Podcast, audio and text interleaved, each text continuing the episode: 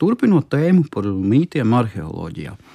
Šoreiz parunāsim par tādu ļoti plašu tēmu, kā senais bruņojums un mīti, un dažādi aplamie priekšstati, kas saistās ar tā pielietojumu Latvijas teritorijā un tuvākajos kaimiņos no vissenākajiem laikiem.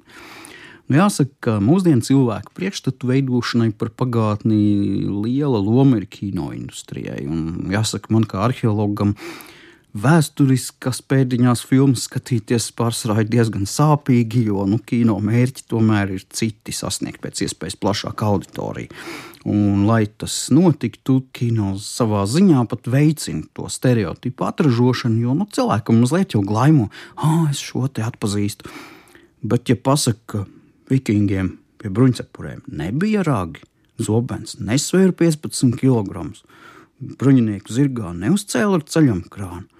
Senlatvieši negāja linku rekliņā pret visu dzīvo nīstošo melno bruņinieku. Ja, viņiem bija arī bruņas, nevis tikai prievītes un stabulītes. Un senlatvieši vispār nebija. Ko? Kas notiek, ar ko tie vēsturnieki tur nodarbojas? Nekas neatbilst maniem priekšstatiem. šobrīd kā tāds lielākais tās vēsturiskās aplamības saražojušais ir jāizceļ seriāls Vikingi, un tā ietekmē tapušās mūsu māju piedošana šausmas, namīgi redzams. Jā, vikingiem nebija ragu pie bruņcepurēm, arī krustnešiem nebija. Tas savu ietekmi ir ļoti spēcīgi atstājis nu, padomju kino klasiķis Eizensteins ar savu Aleksandru Ņevski, kas atstāja uz vairākām paudzēm šo, šo priekšstatu kur bija daudz, daudz krustnešu ar ragiem pie bruņcepurēm. Vispār no ragiem dzēra, tos nekabināja pie bruņcepurēm, lai tur vieglāk to būtu aizķert ar ieroci. Bruņcepurs vispār kala tā, lai šie pretinieki cirtieni ar to noslīdētu. Zobeni nesvēra ne 15, ne arī 5 kg. Vikingu laikmetā zobena vidējais svars bija no ap kilogramu, pat vieglāk.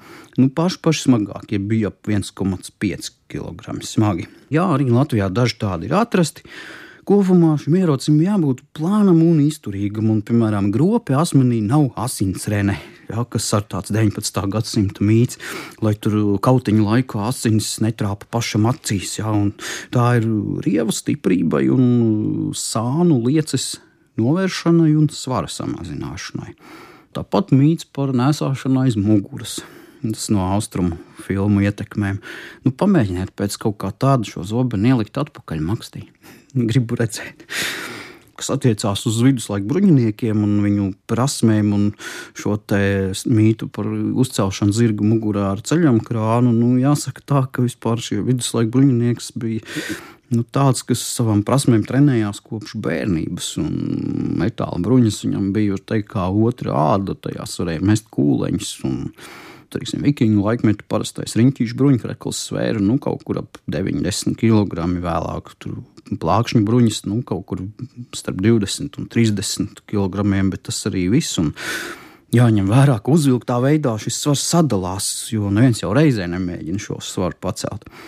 Mazliet jocīgais priekšstats par šo ļoti superpacifistisko Latvijas teritorijas iedzīvotāju krustakaru laikā. Tāds hipijs ar prievīti un linu krekliņā, un vēlams vēl attēlot spirālīšu bruņcepurē ar lāča ausīm.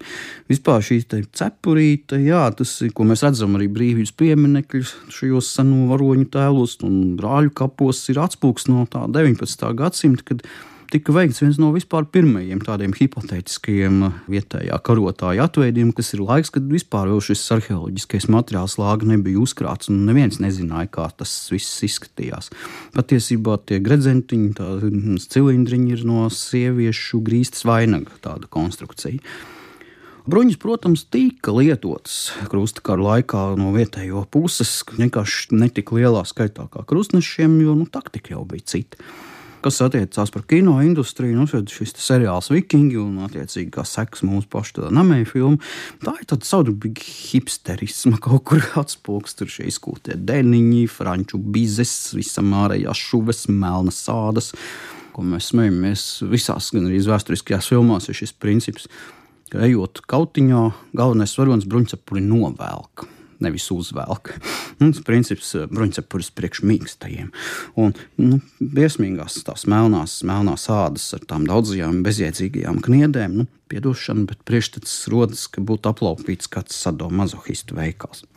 Savulaik kādā austrumu vēsturē aizdomājos, ko atgādina paklājiņš zem sushi trauciņa. Jā, bruņu izstrādājumi no kāda no šiem seriāliem. Laikam tas būtu pareizākais apzīmējums šādu veidu brīnumiem. Un pats pats pēdējais - senlatviešu nav. Kā vienā teikumā aizskart geologu, biologu un vēsturnieku ar frāzi: Uz akmens sēdēja senlatvietis un skatās, kā aug zāle. Pretī mēs saņemam kliedzienus, ka viņiem visiem ir nosaukumi. Jā, taisnība. Ir kurš, lībieši, zemgaļi, latgaļi un sēļi. Nu, lūk, godīgi sakot, šī tēma ir bezgalīga, un katrā ziņā ar šo īso sižetu es labprāt jūs iedrošinātu pašiem būt drosmīgiem, kritiski izvērtēt pieejamos vēstures avotus un nekautrēties vēsturei uzdot savus jautājumus.